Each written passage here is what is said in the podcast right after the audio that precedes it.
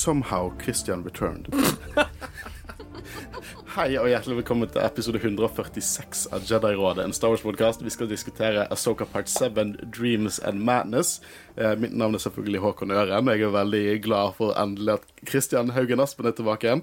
Velkommen tilbake. Takk, takk. Husker du hvordan det er å snakke Star Wars, eller? Ja, veldig. Ja, Jeg, lik, jeg likte den. Det var liksom, jeg forventet den ikke. Det var sånn. Det er jo en referanse til deg i denne episoden, Ja, ja. som jeg lo ganske godt av. Uh, og Guro Vågan, du har vært vikar nå i et par episoder. Yes. Velkommen til deg òg. Takk, takk. Uh, Håvard Rus er fortsatt i Galaxy's Edge. Uh, Den jævelen. Ja, det så han har post, vært flink til å poste på sosiale medier. da Så dere som har fulgt oss på Instagram, så har dere fått noen kule stories. Jeg tror Guro er ganske sjalu. Ja, det har vært eh, kjempegøy. Jeg er så glad for at han har uh, posta så mye. Det har vært minst like gøy for meg som det har vært for eh, dere andre også. Han har visst enda flere videoer som han skal eh, kun vise oss, og det er ikke for å være kjip mot vår lytter, fordi at han sa For det, det, disse små Disse ridesene han tar, er jo canon, så han vil ikke spoile det på Instagram, så uh, det var jo gre greit av han. Uh, og jeg, før vi hopper inn i det, så må jeg må bare ta fram notatene mine her. Christian, hva syns du om episode fire av Soka? Hva faen var det igjen? Det, det var rett før uh, World Between Worlds.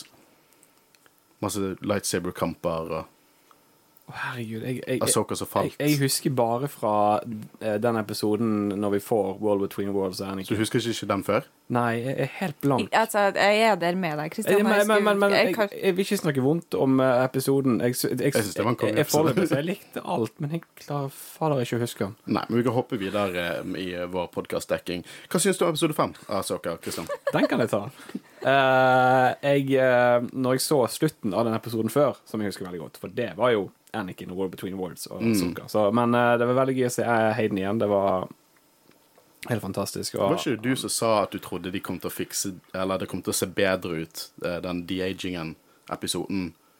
Nei, det var, du var jo ikke på episode fire. Nei, never mind. Men det var utrolig god de-aging. de-aging. Jeg tror kanskje noe av det beste jeg har sett ja. noensinne, egentlig. Ja, ja, absolutt. Jeg likte det. Uh, og jeg ser jo på sånne her eh, masse sånne Instagrams der det er liksom behind the scenes, der eh, Hayden snakker med Dave Filoni og eh, hvordan de utfører scenen og sånn. Så det, det, det, det er så gøy å se han tilbake. Eh, jeg syns han gjør en fantastisk jobb. Han gløder, Eh, liksom. Jeg er så glad på hans vegne. Og så er det så spesielt å se Anakin og Soka sammen. Ja, og så fungerer det så godt. Det er akkurat Ja. som de dratt ut av Clone Wars. Og det Eh, er at når han sa liksom snips i tillegg Åh. så du eh, det på en liten skjerm i Japan, eller noe sånt? Ja, det, tingen er at jeg har vært i tre uker i Japan, så jeg har sett alle de tre siste episodene utenom denne på en eh, titommers tablet. Ja, såpass, ja. Ja, ja, men det, Eh, det men jeg har sett alle opp igjen. Uh, tydeligvis ikke den første du spurte ja. Rart at du ikke husket den. Uh, men ja, det, men jeg, jeg, jeg kan jo ikke gå tre uker. Jeg har savnet ditt tåket eh, hukommelse her. Det, det, liksom, det er ikke ja, det samme uten men den. det, det er liksom, jeg, jeg kan ikke gå tre uker uten å se dem. Nei, eh, vi, skal jo, vi skal jo ha en, en sesongepisode også der vi eh, snakker om alt eh, i sin helhet. Altså, Så vi kan jo egentlig hoppe inn i episode seks. Hva syns du om episode seks? Uh, hva var det igjen? Nei, det var tull. Uh, jeg vil bare legge til at det var veldig spesielt å måtte få flashbacks samtidig så du så World Between Worlds. Mm. så, hun som spilte unge Soka, var jo kjempeflink. Hun fra uh, jeg, jeg, det er så gøy å se Infinity alle War. Spilte ja, jeg- Mora. Stemmer. Det er så gøy å se alle disse her eh, postene på, på Instagram og Facebook nå. Med, de har laget en sånn The Clone Wars live action series prequel med Hanna og Hayden Ja, jeg tror jeg så det. Ja. Da, men, Never gonna happen. Nei. Uh, men ja, uh, hva jeg syns om uh, forrige episode Ja. Uh, Jeg digget han. Jeg vet ikke om dere så, men det var bare Det var, bare, det var, det var liksom Det var ren glede i fjeset ditt. ja, ja, ja. ja. Jeg Eh, Det er kanskje min favorittepisode. Eh, Jeg, jeg vet jeg kanskje pisser i motvind der at mange vil si at den World Between Worlds er deres favoritt. Nei, jeg vil egentlig si at den forrige er egentlig min favoritt òg. Ja, Men eh, det er noe spesielt med å se eh, Asoka og Anakin sammen, men forrige episode er nok absolutt favoritten. Mm. Ja, jeg, jeg syns alt er bra. Jeg, jeg kan egentlig påstå at dette er kanskje min favorittserie. Altså, jeg vil si at fra episode Ah, It's all coming back to me now. Fire? Ja, fra episode fire eh, og fram til nå har de eh, Det var der de på en måte hektet min Mm. eh, Ikke interesse, men eh, ja, du skjønner. Det var da du fikk fart på saken, Ja, rett og slett. ja, rett og slett. Eh, og karakterutviklingen av Asoka. Ja. Um, Men det er kanskje mer passende at jeg spør dere hva synes dere om episode 7 av Asoka. Jeg, jeg lar Guro ta den. Jeg syns det var gøy. Eh, det var jo ikke helt det samme tempoet. blir feil, for det var jo godt tett tempo, men altså, det var ikke Altså, nå har vi fått sett eh, eh, Å, kjære vene. Eh, Anakin og Jeg har glemt av navnet Det er ikke bare meg! Det datt helt ut av hjernen min. Ja, Du, ah, det er jo ikke meg. Det er plassen. Ja, OK, ja. De Det er forklaringen. Det er forklaringen. Skal vi plassere Håvard der når han kommer tilbake? Ja. Hvor var du, Guro? Ja, eh, altså, nå fikk vi en episode der vi liksom fikk Anakin, og så fikk vi en episode der vi fikk på en måte introduksjon av Thrawn. Så det, det blir jo ikke samme eh, eh, sjokkeffekten, Nei. på en måte. Men jeg syns fortsatt det var en veldig, veldig gøy episode. Og Ezra selvfølgelig også i, i forrige episode, så ja. Jeg syns jo at uh, den, har- den episoden er ikke så mye uh, plott uh, eh, Progresjon. Takk. Uh, men sånn som du sa, det er mer karakterdreven episode. Eh, Jeg, eh, Karakterøyeblikk. ja, jeg, jeg, som jeg så denne episoden, så els, jeg elsket denne episoden. Eh, nei, det er ikke på høydene som var de to forrige episodene, men det kunne, det kunne ikke man forvente heller. Eh, fordi at det er ikke sånn historiefortelling fungerer. Dette, vi ser på en historie her, vi ser ikke på shock values og cameoer for cameos sake. Eh, og jeg, jeg syns at denne episoden den på en måte tok ting fra alle æraer av Star Wars, og det bare føltes så kompromissløst Star Wars på alle mulige måter. Eh, og det var utrolige essensielle øyeblikk i den episoden som hadde Serien hadde ikke vært komplett uten. That being said, jeg håper folk på en måte tenker litt den tankegangen. For at det skjer Jeg ser allerede, jeg merker allerede lytterne våre litt mer mixed eh, på, det, på den episoden. Jeg merker at det ikke er like mye pågang på lytterinnspillet. Liksom forrige uke jeg, hadde, jeg, jeg vet ikke om du har hørt forrige ukes episode, men vi hadde fem av fire sider med lytterinnspill på forrige ukes. Shit. Ja. Det, dessverre, jeg har ikke hørt forrige. Nei, da får du gå hjem og høre de. Ja. Men, eh, eh, men eh, det, det, var, det er rekordmye lytterinnspill når, du, når du da vet at folk er hypet. Men dette er en essensiell episode. Denne serien hadde ikke vært komplett uten denne episoden. Nei, den var nødvendig. Den var kjempenødvendig, og jeg syns den var bra. Eh, nei, det var ikke store ting som skjedde. Det var ikke en diger cliffhanger heller. Men det er en essensiell episode. Man må bare huske at dette er en komplett historie. Og at du, at der du lytter der ute, som kanskje ikke var like hypet over denne. Du kommer ikke til å tenke over det når du ser dette i sin helhet. For det er en, det, jeg tror noe av det jeg liker mest med denne serien uh, Og det er ikke det at jeg misliker de andre Star Wars-serier, fordi de gjør sitt eget ting. Mando gjør sitt eget ting med forskjellige regissører som får leke seg i sin sandkasse. Det er en forfriskelse, syns jeg. Uh, Andor har denne story arc-greien. Dette føles som en film. En hel som er, historie. Ja, som er fordelt opp i ulike chapters. Mer enn jeg føler noen av de andre seriene har klart å oppnå. Enig i det. Uh, og det, det jeg det, er sånn, det gjør at jeg gleder meg veldig til å se alt i, i liksom, ikke én sitting. Jo, Kanskje én sitting, hvem vet. Det kan vi godt få til. jeg egentlig når jeg ser denne serien, spesielt uh, uh, i denne episoden, og det siste vi så i denne episoden, så føler jeg veldig at jeg ser Rebel sesong seks. Ja, Mm. fem. Det er det Sorry. Fem. Ja, same. Uh, det er noen lyttere som påpeker det, men det er liksom det, det er, Du merker at Dave Filoni skinner gjennom dette, her, og dette er hans karakterer, hans barn. Ja. Og det kommer tilbake igjen i live action på samme måte som det gjorde i animasjon, og det er på en måte nesten sømløst. Så sømløst som det kan være. Eh, denne episoden er jo regissert av Gita Vasant Patel. Eh, og hun burde du kunne navnet på, for hun har regissert House of the Dragon, blant annet. Noen episoder der. Du er jo stor House of Dragon-fan. Kult. Eller Josh R. Martin-fan. Eh, Når kommer bok nummer seks? ja, sant. Du, du, du, du leker jo litt med tanken om å lage en egen House of the Dragon-podkast. Det hadde vært kult. Det eneste som stopper meg i tid. Ja. Du har så vidt tid til dette her. Nei da. Um, men uh, det er egentlig ikke så mye mer. Nå har vi en lang nok intro, så jeg tenker vi bare hopper inn i det, for vi skal diskutere Soccer Part 7, Dreams and Madness.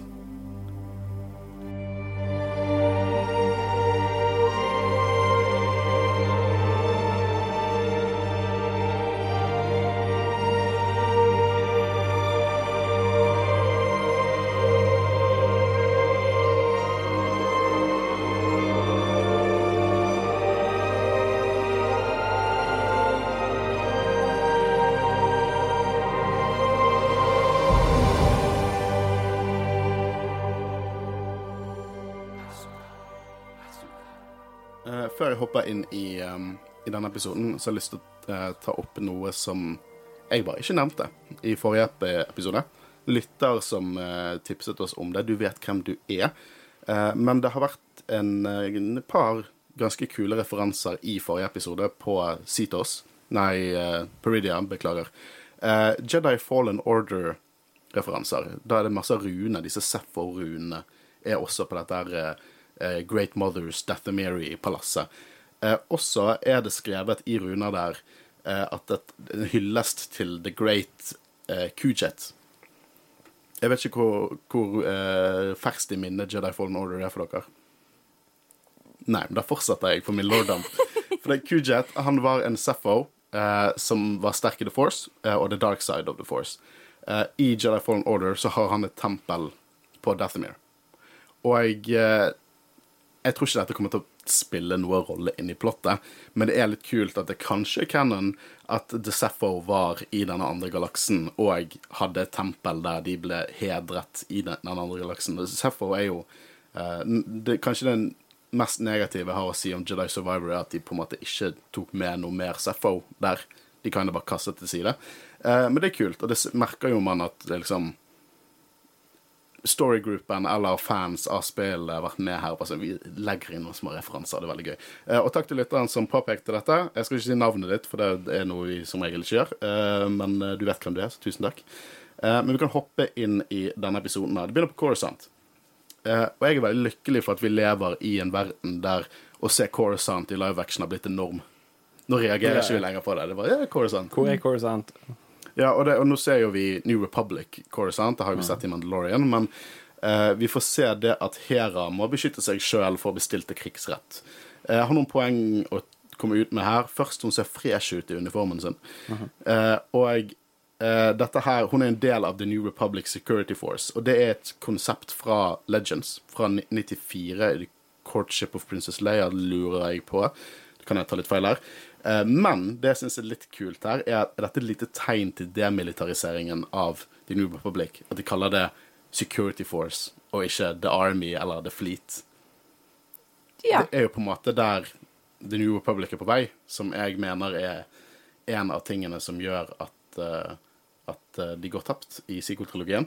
Eh, jeg tror Akbar sitter ved siden av han der senator Shithead her. Ja, det stemmer, det. Hvor bra er ikke de Moncala-kostymene? Så de, når jeg så de Mando sesong to, så var det sånn OK, det er maske, men her er øynene så utrolig vivid. Det, jeg bare syns det er kjempegøy. Og vi ser en Sulluston med en bart. Og det elsker jeg. De er en sin rase. Men uansett, eh, dette her er jo en høring der senator Siono, som ikke er så fan av Hera, eh, lar hun få det. Eh, Ja, du Om han har så mye gode poenger, er jo et annet spørsmål, da. Men eh, Det var Han er jo um... Nei, hva var det du skulle si? Jeg bare, jeg bare, for det er Guro, hun er sånn Hun er Hun er sånn amatøradvokat. Eh, hun er veldig fan av sånne, eh, sånne advokat-youtubere som driver og som går gjennom rettssaker. Eh, Så Ah. når Siona sier sånn I object on the strongest terms, så roper hun sånn On what grounds? Ja, men jeg tenker sånn Der han kommer fra, som jeg tenker er kanskje eh, et sånn lukket, rikt miljø Hosnian Prime, så det ja. er store, lukkede så, så jeg tenker sånn alt som på en måte kommer ut fra Hera, er på en måte bare sånn Faen for tull er dette her, tenker han. For at han, han tenker ikke at dette her er jo ikke ekte, dette er jo bare tull. Jeg, jeg, jeg tenker jo, og han er, ja, Når du sier det Jeg tror ikke den mannen er klar over hvilken, hvilket univers han lever i. Nei, det er akkurat det. det, det, det ja, for det er det jeg vil fram til. Han, han, han, eh, han lever i sitt eget univers. Ja. Og det er, det, er, det er jo sant, det du sier, for det at eh, jeg tror det er bare tilfeldighet at han her ikke var en Imperial. Ja, og det, det er litt det man kan lure på. Hva har han drevet med de siste årene, på en måte? Fordi at det virker ut som om han på en måte eh, ser realiteten i noe av det som verken har skjedd eller skjer. Mm. det, det, det, det syns jo jeg er interessant, da, at de lar sånne folk komme seg inn i The New Republic, men hvis det er liksom Det er fortsatt en del korrupsjon i Garantert. Ja. Ja. eh, Så at de har en rik, innflytelsesrik eh, Sønnen til en eller annen rik eh, Ja. ja mm. Eh, det overrasker meg ikke, og jeg syns det er kult. Det gir det, gir det litt sånn Jeg elsker jo Star Wars, overraskende nok. Men originaltrilogien er jo veldig sånn good guys versus bad guys. Jeg skal ikke gå inn på hvem av de som er hvem, men uh, uh, det er jo vel, det jeg liker med Cannon, er at det gir litt mer dybde. Det jeg elsket med prequel-trilogien, som mange uh, litt eldre enn meg mislikte, var jo det politiske aspektet. sant? Det ga det mer, Jeg trodde mer på universet pga. det. Og sånne aspekter at nå, liksom, når det er good guys, shining boy scouts og girl scouts har vunnet, så er det fortsatt problemer rent politisk i toppen av liksom den nye regjeringen. Det er ikke de sier, det, det, er, det er lett å, å vinne et opprør, men det er vanskeligere å styre. Um, han kaller jo det Child's Fairytale, og det syns jeg er veldig gøy. Han, han, han er helt klart ikke klar over at han, bo, han er med i Star Wars. Jedi og Space Wales, det, det gir ingen mening for Nei. ham. Uh, her får jo vi en liten referanse til konflikten på Mandalore. Det var jo ikke så usikkert for oss hvor Asoka-serien var plassert. Jeg tenkte den enten var etter eh, sesong tre av Mandalore, eller i løpet av sesong tre av Mandalore. Eh, de plasserer det etter. Og dette er jo små smuler for å bygge opp i liksom en, en crossover, føler jeg. Ja, de må jo få det her til å, å være relevant for hverandre etter hvert. Mm. I hvert fall ut ifra det vi har de, det vi har fått vite av, det vi skal få. Så må jo det her eh, de, Det de driver med, må eh, være noe som påvirker alle de aktørene vi kjenner fra før. Ja, og jeg så jo eh, nest siste episode av The Mandalorian sesong tre, som er en fantastisk episode, eh, med den der Shadow Council-scenen.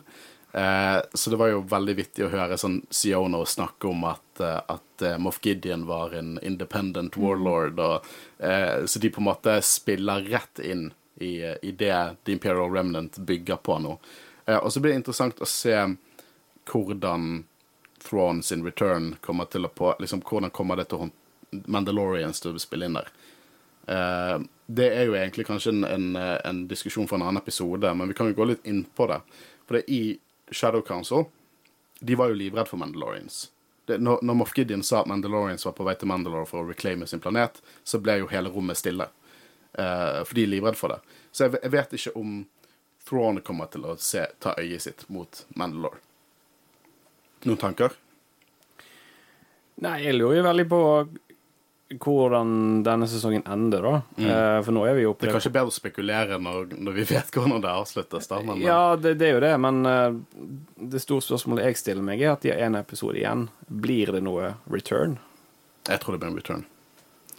Det må jo det. Jeg tror dette kommer til å avsluttes med, For at, med et da slag. må jo dette bygges videre i filmen som er planlagt, og videre prosjekter rundt Mandoverse. Ja, For det, Hvilke prosjekter kommer til å være i Mandovers? Er det bare Asoka og Mandalorian, eller er det noe mer? Vi vet at Skeleton Crew er på samme æra, men um noe sier meg at jeg, jeg tror ikke hendelser i Skeleton Crew kommer til å påvirke de store hendelsene, med tanke på hva som er Kommer scenarioet der. kommer det en Boba Fett sesong to? De har ikke bekreftet det, men det har blitt uh, tease, eller liksom liket noen, uh, noen informasjon om Boba Fett sesong to.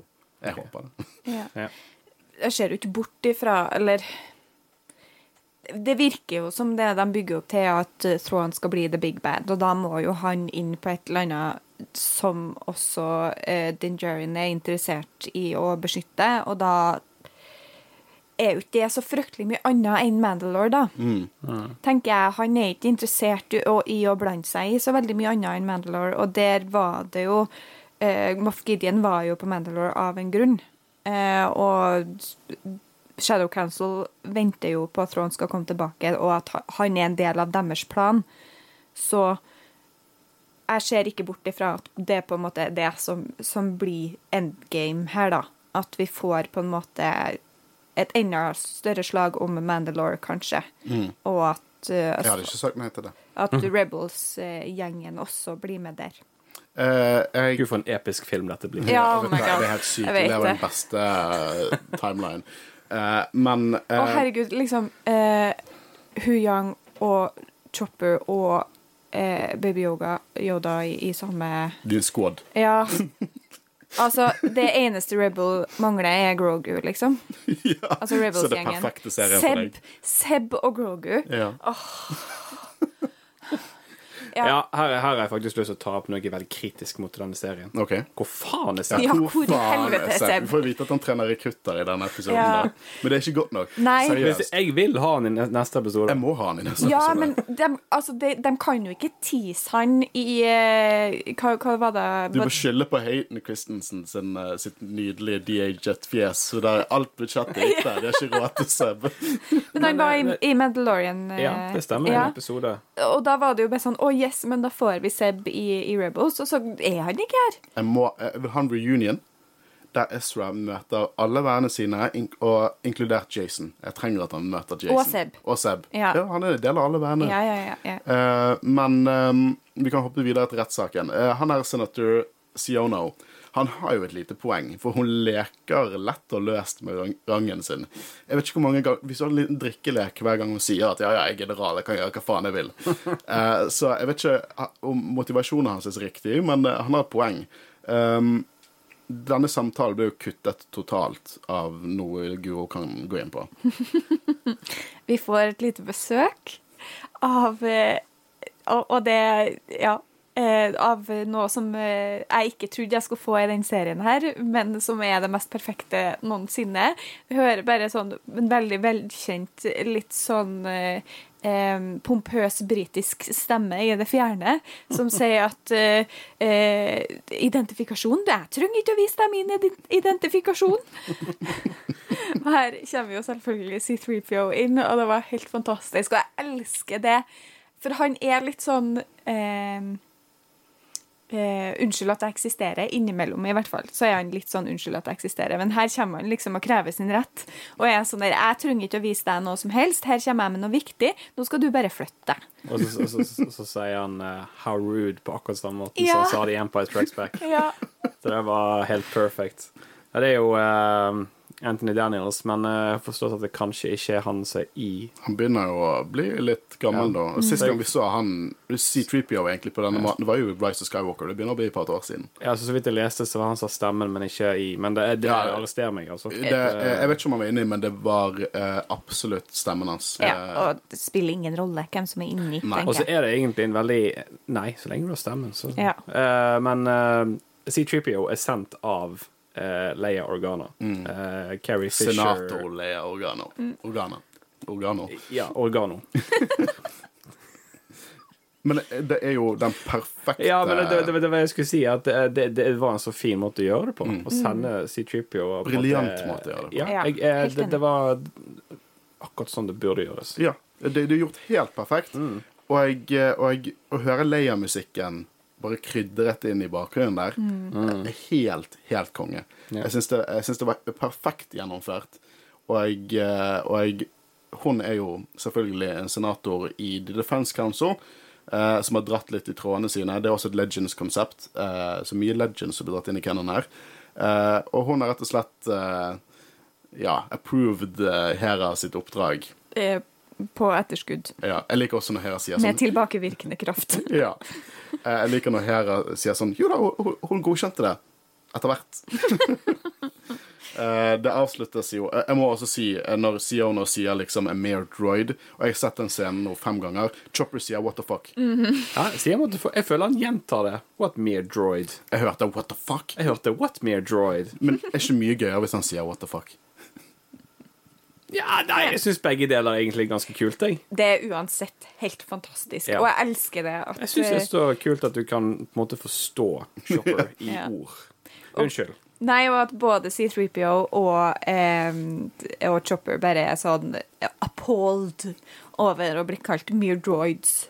Det er veldig imperial tankegang. Ja, si. og flere av, av de eh, menneskene som er der også, er akkurat like sjokkert. eh, så det er Nå husker ikke jeg hva han heter. Han, Siono. nei, han cap'n eh, Tiva. Carson Tiva. Ja. Ja. Eh, han er jo sjokkert.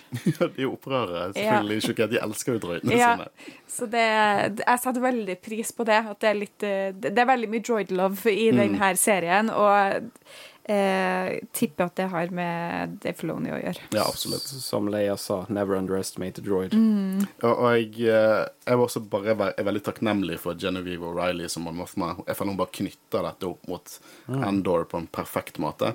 Har, uh, ja, nei, unnskyld. Ja, og, og måten de avslutter hele denne litt mer sånn lyse sekvensen med å bare dra ned tonen litt sånn hvor, hvor, hvor seriøst er dette med Thrawn? Og plan for the worst, worst hope for the best. Og så hopper vi til en treningssekvens som jeg synes, som jeg ikke forventet. Jeg visste at det var mer voice lines av Anakin i traileren. Sånn You Can Do This Ahsoka var med i traileren. Men det er alltid litt sånn De bruker klipp som kanskje ikke de har med det endelige produktet i trailerne. Men her er det Clone Wars Anakin, et recording som på en måte eh, i veldig sånn Tales of the Jedi-stil eh, skal hjelpe Ahsoka å trene. Og vi, hun, han har visst laget 20 sånne recordings, vi så jo etter Eller de mer. Eller mer. Uh, men vi så etter de i Rebels. Ja. Uh, I den det ene cursed eh, animasjonen der Anakin ser latterlig weird ut ikke den Rebels. scenen der hun sitter med Ezra? Jo. Ja. Eh, så det, det er veldig kult der. Vi får en liten Assange Ventures name drop. Det var kult. Eh, jeg tror ikke vi ser henne i live action. og for de som ikke har sett den fantastiske serien Rebels, kanskje du kan gi en sånn introduksjon til hvem Massage Ventures er? Eh, den, du mener den fantastiske Star Wars-serien Clone Wars? Å, unnskyld! Ja. Eh, hvis dere ikke har sett den liksom, Jeg har mast nå i syv uker om å se disse seriene, så gå og se de. Uh, Assange Ventress er jo uh, Sith Takk for at du sa det, for jeg hadde bare gått videre. Nei, jeg bare tenker sånn eh, Det er ikke alle som har sett Nei, nei, animasjonsseriene, du har helt og de fantastiske seriene Rebels og Clone Wars er viktig å få med Ja, seg. ja, det er Ja. essensiell canon. Ja. Uh, men Assange Ventress var The Sith Apprentice, eh, så vidt hun visste, eh, til Count Dooku. Helt til eh, Palpatine ble litt eh, redd for den makten hun eh, viste. Så de droppet henne, og så gikk hun tilbake til sin hjemplanet, som var Dathomir. Så hun er en eh, Hun er på en måte har eh, røtter fra Sith og uh, The Witches of Dathomir i seg. Og hun er, har vært alt fra en skurk til en helt til en antihelt gjennom eh, hele alle, gjennom klonekrigene. Ja, hun har en veldig kul ark. Uh, veldig kul kvinnelig skurk skurk med en kul ark. Eh, så det er verdt å, å se hennes episoder, i hvert fall. Ja, og hennes historie blir konkludert i en bok som er satt under klonekrigene, eh, med Voss, hva heter han? Han er han hippie-jedien Komari Voss? Nei. Voss? V nei, hva heter han da? Uh, dette må jeg finne ut. Å ja, han um... Voss? Han som er nade-droppet i Kenobi-serien. Ja, Quinlan Voss. Ja, det var det, Quinlan Voss. Uh, det jeg har ikke lest den boken, men den er beskrevet av Katie Lucas. Hvem? Uh, dat datteren til Josh Lucas. Å ja! Herregud. I'm so alone. Jeg burde gjettet det. Eh, men fy søren, han ser, ser så bra ut med han i Clone, Clone Wars. Jeg, jeg, vi har snakket om det før, jeg skal ikke komme mye inn på det, men det ser utrolig bra ut. Eh, og jeg, eh, jeg liker den derre Husk å trene på dette. I hvert fall mer enn det jeg gjør. Ja, det var helt fantastisk. Og jeg liker Asoka så godt i denne scenen, for vi fikk jo på en måte hint om at hun var tilbake til gode gamle seg, og gode gamle seg er jo fortsatt noen som er seriøs og, og tar ting på alvor og Jeg føler at hun, hun på en Hun er måte håpefull. ja, men hun trener her med en helt annen eh, eh, determination, i mangel av det norske, et, et godt norsk ord for det. Um, På en måte- Som jeg liker. Samme Asoka som vi ser i Clone Wars sesong 7. Mm, Sesong syv begynner å gå litt ned, Ja. men det er mer den, ja. Ja. Sånn som Beat You, når hun, hopper, når hun klarer å slå Rex i det løpet sitt. ja. Eh, men det, det jeg synes var mektig her, var For Huyan kommer inn og hun snakker om disse opptakene, og så sier hun 'han var en god mester'.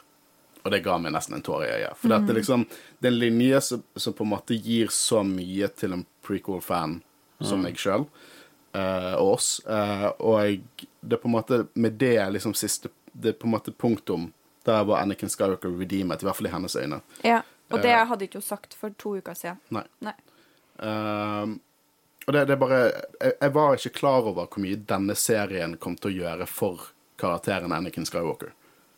Uh, virkelig uh, fantastisk, liksom. Uh, ja. Helt konge. Ja, fantastisk. Uh, de hopper ut av hyperspace. Jeg må si jeg elsker Bantram eller Huyang og, og Asoka her.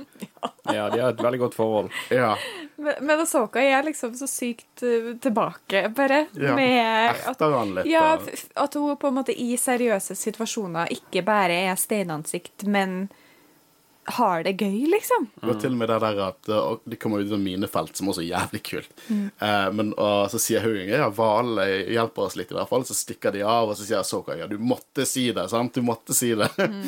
jeg bare elsker all banteret her. Eh, og jeg må si at jeg syns CGI-en i denne serien er bare Det er så filmkvalitet. Det er helt nydelig. Jeg så noen hadde eh, eh, sagt at, eh, at disse hvalene så ut som sånn spill CGI. Jeg, jeg, I don't see it. Jeg, synes, jeg har sett den episoden tre ganger nå. Jeg syns det ser helt konge ut. Ja. Og, og hele denne sekvensen, det føltes veldig eh, det, de, de går jo litt mer sånn Empire Strikes Back når Millennium-folken skjuler seg i det, det Asteroid Field. Men jeg fikk veldig sånn Attack of the Clones, Young Fett versus eh, eh, Obi-Wan, når de på en måte flyr gjennom denne hvalkirkegården, eh, som de kaller det. Eh, det, det var, bare, det, var, det var bare skikkelig kult. Uh, Ja. Jeg kunne ikke noe for at jeg på en måte hørte uh, Poor Unfortunate Souls uh, bak, i, bak i hjernen min. Ja, å ja, du var ikke her. Eh, forrige episode så var, var Guro på en sånn lang rant om at dette var, veld, det var veldig mye Disney. Det var Løvenes konge over hele eh, Peridia. Og hun kaller den ulven for Ted. Fordi at den dumme hyenen fra Løvenes konge heter Ted. Ja. Så der You're up to date. Yeah. Um, men jeg, jeg, jeg må si at når jeg ser dette her og tenker litt mer på det Dette er ikke hva jeg forestilte meg når jeg hørte at Star Wars skulle komme liksom til the silver Screen serieformat. Jeg forventet ikke denne kvaliteten. Men uh, det har jo skjedd utrolig mye siden på en måte Mando ble, ble annonsert, da, bare på TV-fronten. Eh, TV har jo blitt like så eh, lukrativt som film, så de pumper jo penger inn i dette. her. Og Det vises. det vises.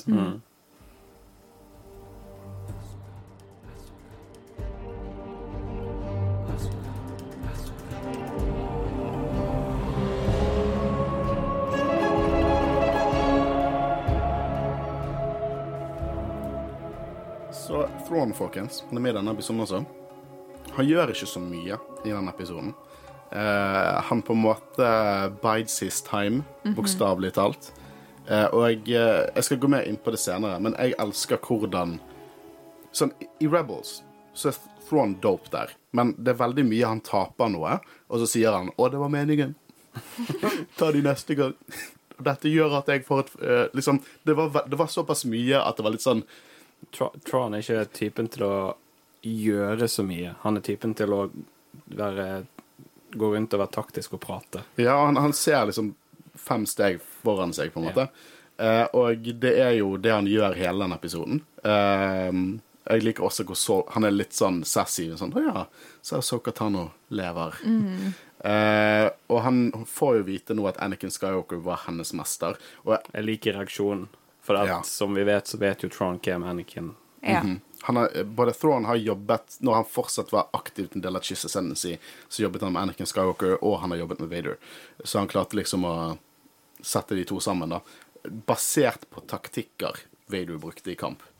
Så klarte han å på en måte OK, det der er Anakin Skywalker. Og han var smart nok til å ikke påpeke det. Uh, for det, de som påpeker det, de dør. Uh, men uh, jeg elsker hvordan han bruker titler. Sånn, han sa General Balen Skull, General Anakin Skywalker. Jeg føler det også sier noe om ka- karakteren, liksom. Det er ikke så viktig for han at de var Jedi, men den militærtittelen, den, den henger igjen. Eh, og reaksjonen hans, det er litt sånn interessant, for det, jeg, tror han tenker at OK, ikke undervurder Asoka Tano. For det blir sånn halvveis det sin mester var, som farlig. Men jeg lurer på om dette er noe han kan bruke mot henne. Definitivt. 100 For den, den, den interaksjonen vil jeg se. Jo, men det Jeg føler ikke at de hadde bygd opp til det her med mindre det kommer til eh, et, et, em, Blir en konfrontasjon mellom Throne Thrawn og Asoka der eh, hun kommer til å snakke med Eller han kommer til å snakke til henne om at han vet hvem Anakin er. Mm. Eh, så jeg tror det kan bli skikkelig kult. Og det blir interessant, for det er jo ingen andre som vet det. Soka har jo ikke sagt det til noen. Hun tror jo på en måte at hun går og bærer på denne hemmeligheten alene. Og så vet jo Trond heller ingenting om eh, hvilken transformasjon eh, Asoka nettopp har hatt i forhold til Anakin, og, og hva, hvordan hun ser på han og Vader og alt det. Så, så jeg tror at Trond tror at han har et ess i ermet der, og så vet han ikke hvor mye Asoka vet, eller hvor mye hun har på en måte bearbeida. Det er nå hun bør besøke Luke. Nå er hun endelig åpen nok til å snakke om Anakin, og ikke bare han den psykopatiske massemorderen i, i hodet. Eh, jeg syns det er veldig gøy alltid når det på en måte Når, når Thrawn alltid har noen som er mindre intelligent rundt seg. Sånn, jeg ser ikke at Morgan Elspeth er en dummy, men når han er sånn Withdraw the Fighters, og hun er alltid sånn Hva er det du snakker om? Ja, men hun er jo bare ikke med i det hele tatt på noe av det han snakker om. Selv om han allerede har forklart det, så er hun bare sånn Men du må ha en sånn som er ved siden av. Det er liksom, og du må alltid ha noen som er i nærheten av Thrawn, sånn at han kan forklare planene sine. I Legends, i Thrawn, originale Thrawn-trilogien, så var jo det Captain Pallion, han som vi så i Mando sesong tre-avslutningen, eller den siste episoden der. Jeg gleder meg Watson til hans Sherlock. Eh, jeg gleder meg til å se de to møtes, det må de nesten gjøre. Men her er det på en måte hun, sånn at han kan på en måte forklare sitt geni. Eh, og eh, han sier det er ingen vits å sløse ressurser. Og det er så det er så, det er så mye mer forsiktig enn det Empire pleier å være. La oss bare trekke inn Jeg snakket jo om Empire Strikes Back, den asteroide-chasen der. Der sendte jo Hvor mange Tie Fighters døde ikke der? Liksom, Thrawn er en som er forsiktig og bruker ressursene sine slik som de bør bli eh, brukt. Alt er på en måte mattestykke. Og, og, og jeg, han er mye mer forsiktig der. Uh, og han har en større plan. Uh, jeg liker når han er litt sånn For han virker veldig salty mot force powers, rett og slett. Så han, han tar litt jam mot Jedi. De er veldig flinke til å skjule seg. De har hatt mye trening til å gjøre det de siste årene. Uh, og jeg, han sier at han vil ikke undervurdere henne, bare ser på mesteren. Eh, og planen hennes, hans i forhold til Asoka er han sier at han vil sette henne på en vei hun velger sjøl, på en måte slik at de alltid er et steg foran henne. Eh, og jeg eh, jeg Vi kan gå litt innom Egentlig drit i det, folk har sett denne episoden. Det han gjør nå, han kjøper seg tid gjennom hele, hele på en måte episoden. Og Thrawn i Rebels, som jeg sa tidligere, hele tiden sånn eh, Og jeg tapte, men det var meningen. Og jeg tapte, det var meningen. Her kjøper jeg det. Og jeg sier ikke at det er sånn involv, latterlig involv, avansert skriving, dette her. Men det er bare det er en plan jeg kjøper.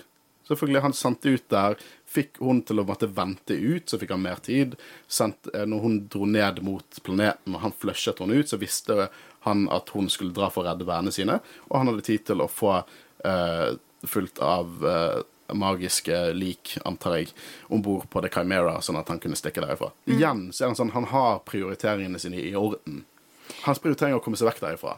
Om de er strandet der eller døde, betyr ikke så mye så lenge han kommer seg vekk derifra og de ikke blir et element i fremtiden hans.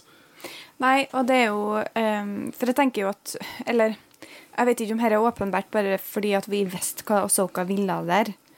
Men det virker jo rimelig åpenbart at hun ikke er der for Thrawn, hun er der for Ezra og Sabine, på en måte. I hvert fall nå. I- Ja så, så han måtte jo ikke jobbe så veldig hardt for å få henne til å dra noen annen plass enn til han, på en måte. Mm, nei, nei, men han dro jo det ut, sant. Ja, ja. Hun skjulte seg i asteroidebeltet, og så flushet han hun ut. Når, han, når han satt på mer informasjon. ja. Eh, Vi skal jo ikke eh, Kommer jo ikke unna det at det definitivt hadde vært mer gunstig for han hvis han hadde klart å ta livet av henne. Ja. Ja. Men det klarer Men han, han jo ikke. jo også det, Jeg tenker liksom, han tenker dette er en stort mattestykke. Hvor mye Ja. ressurser skal han bruke på dette? Det er sant. Um, vi får jo også litt mer Ezra. Hva synes du om, om eh, Ezra Reveal forrige uke, forresten? Eh, koselig. Eh, jeg husker ikke hva heter skuespilleren. Eh, det står i notatene mine fra forrige uke. Ja, OK. Sorry. Du er Eh, her. Ja. Nei, men eh, det var koselig reunion, det. Ja, jeg følte Altså- du har matchet uh, sin animasjons-counterpart. Uh, ja, i hvert fall i denne episoden. Når Ja. vi kommer til actionsekvensene, så føler jeg at jeg ser Ezra. I hvert fall når han prøver å overtale de. Skal, skal, skal ikke dere tas til fanger? Liksom, ja, Ja. tas til fanger. Dialogen, eh, måten han beveger seg på, og eh, når eh, Sabine og han krangler om hvem som skal ha Ja. lightsaber. jeg, jeg føler jeg ser Astra og Sabine. Ja. Det, det, det fikk mer inntrykk av Astra her enn i forrige episode, men forrige episode var hun jo bare der i Ja, det var hei. ja.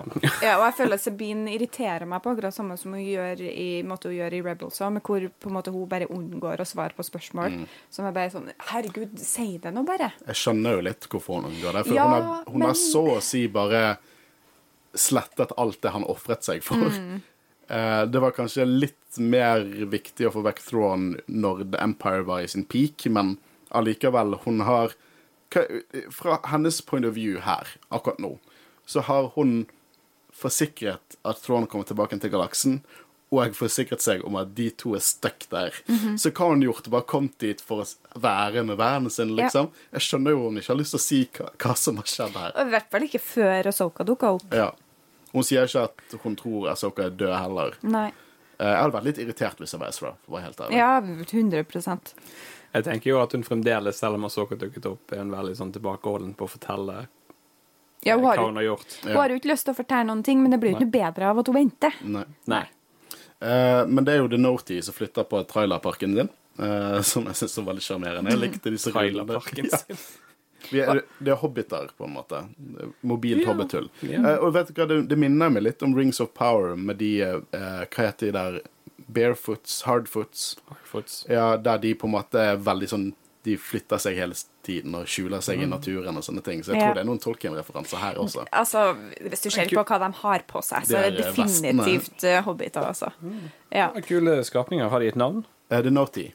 Og er det det de heter? Ja. Ja. alltid. Ok. Um, og det er jo her uh, uh, Sabine oppdaterer Ezra på litt galaktisk historie. Uh, keiseren døde, ja, de sier så.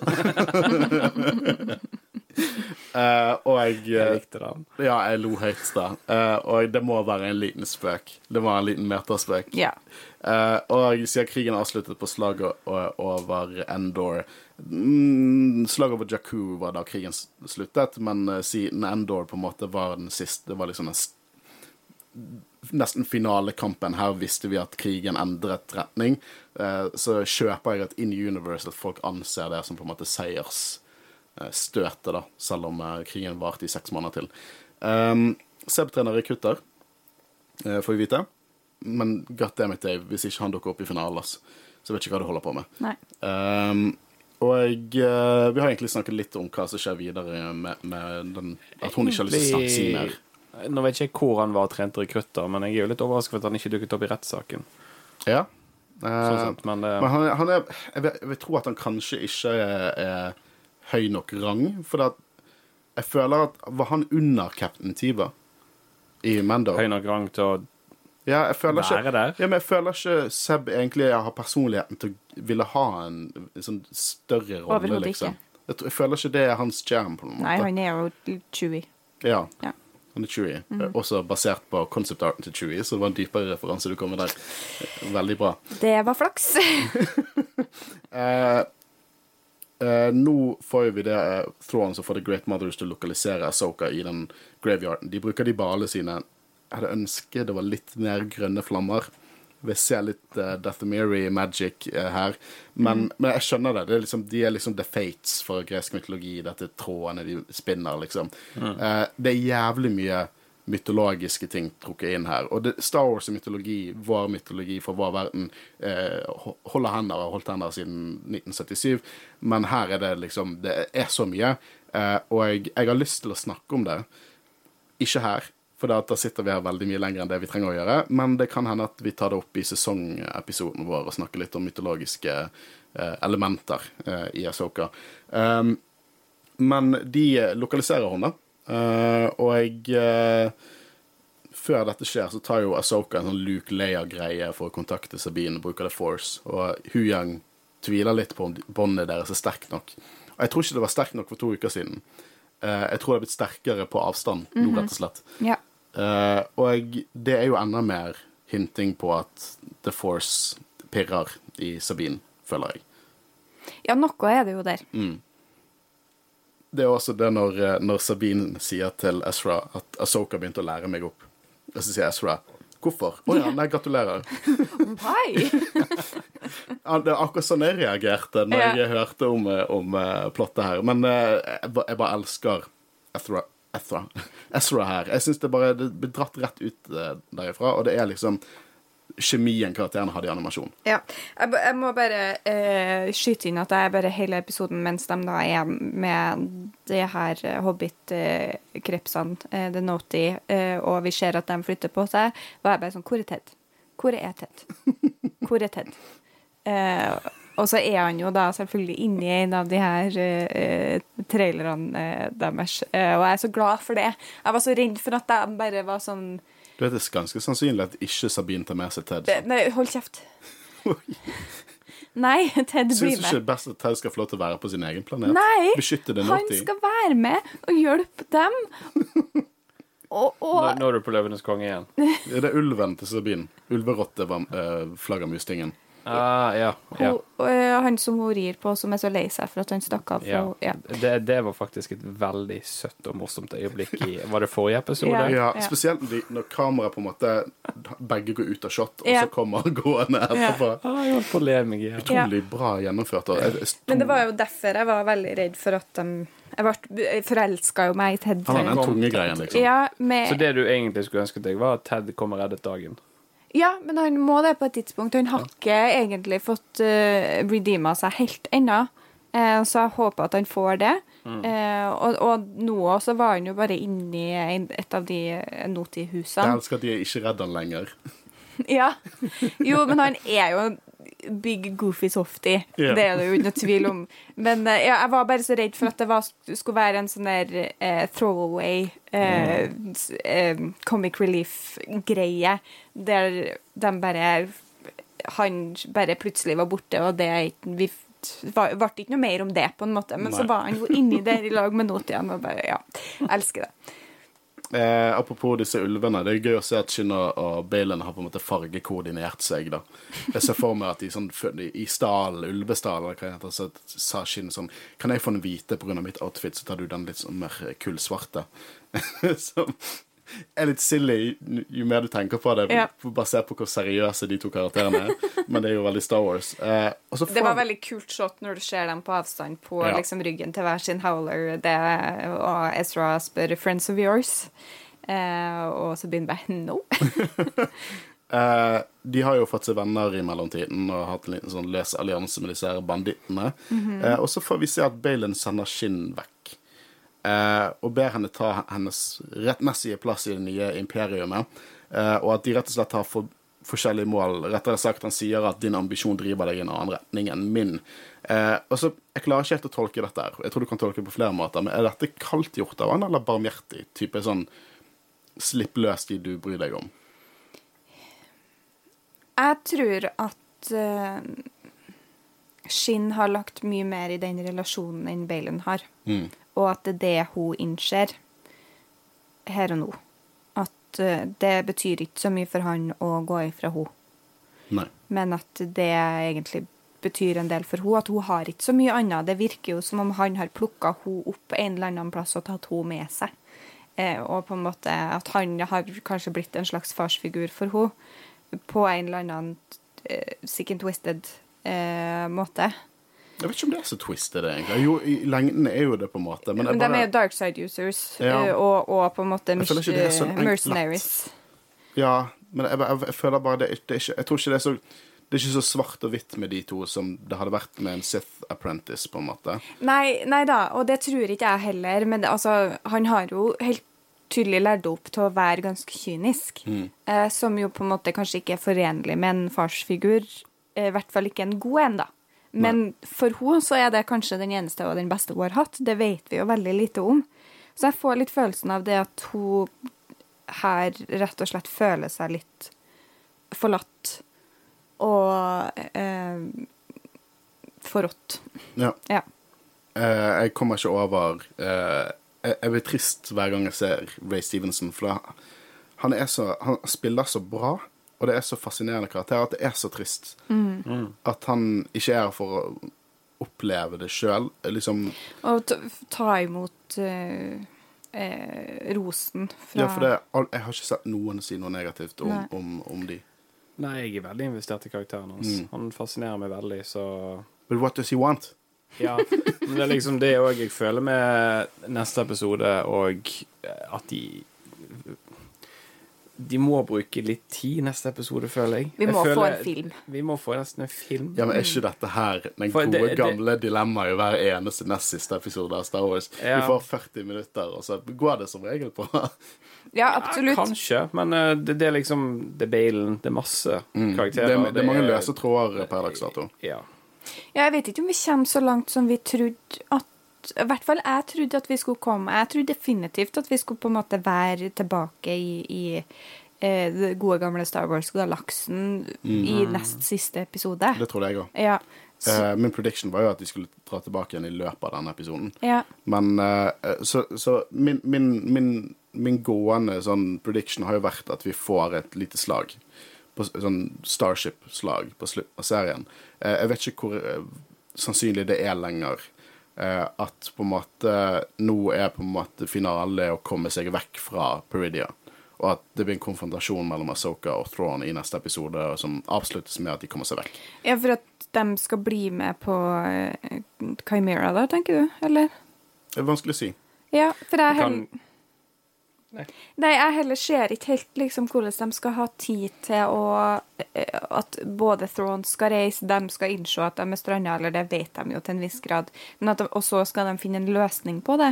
Eller en, får vi ikke dem tilbake i, i vår galakse herre gangen, at det er bare Throne som reiser tilbake, og så blir Den Er de stuck? så vi ventet sikkert sånn kan, Når tror dere vi får filmen? Sånn 2025-26? Ja, eller, eller eh, 26. Mandalorian-sesongen. Husk, det var en tid eh, for ikke så altfor lenge siden der vi måtte vente et par år mellom hver Star Wars-film. Så det kan vi få smake på, på akkurat den, den eh, Altså, du, du skal jo få Mando sesong, sesong seks, holdt på å si. fire. Gud, jeg håper så langt fram i tid. Jeg håper ikke vi går helt til sesong seks. Men sett ifra hvor vi er nå i serien, så tror jeg mest at det kommer til å ende med at de drar tilbake. Ja. Eh, hvis- hvis- men, men igjen, hvordan Asoka da eventuelt kommer tilbake med de, eh, kan de ta og Space Whales. Hæ? De er Space Whales. Space Whales, kan de ta skipet sitt og eh, gjemme seg på Camera? Kan de eh, bli tatt til fange? Vet? Trond vil jo ikke ta dem med tilbake på noe som helst vis. Nei. Og så har vi også Balen der. Og hva driver han med? Og blir på en måte den store avslutninga at vi får en konfrontasjon der, der de skal prøve å stoppe han fra å gjøre det han har planlagt. Ja, jeg vet ikke. Eh, Jeg blir bare veldig, veldig veldig lei meg hvis det ikke blir en reunion mellom, eller, et, eller et møte mellom eh, Hera og Ezra. Eh, jeg har også lyst til å se Jason, men mest Hera og Ezra, for Ja. det er på en måte Det blir det. Det er det som er det mest komplette, det mest viktige. Og- Men, men det blir det. Ja. Det blir det. Definitivt det blir det. Ja, men, ja, men da, det. det vil jo si at vi kommer tilbake til Jeg, tror, jeg tror vi kommer tilbake. Jeg tror det. Det blir det. Jeg er veldig spent. Men det, eh, apropos det, Det du kommer helt an på hvor mye tid de har, men Det blir det. ja. Det blir det. Ok, Ja, ja. Det, er bra du, det er bra du har håpet, du òg, som Ja, man må lære litt av Soka. Har Ja. håpet.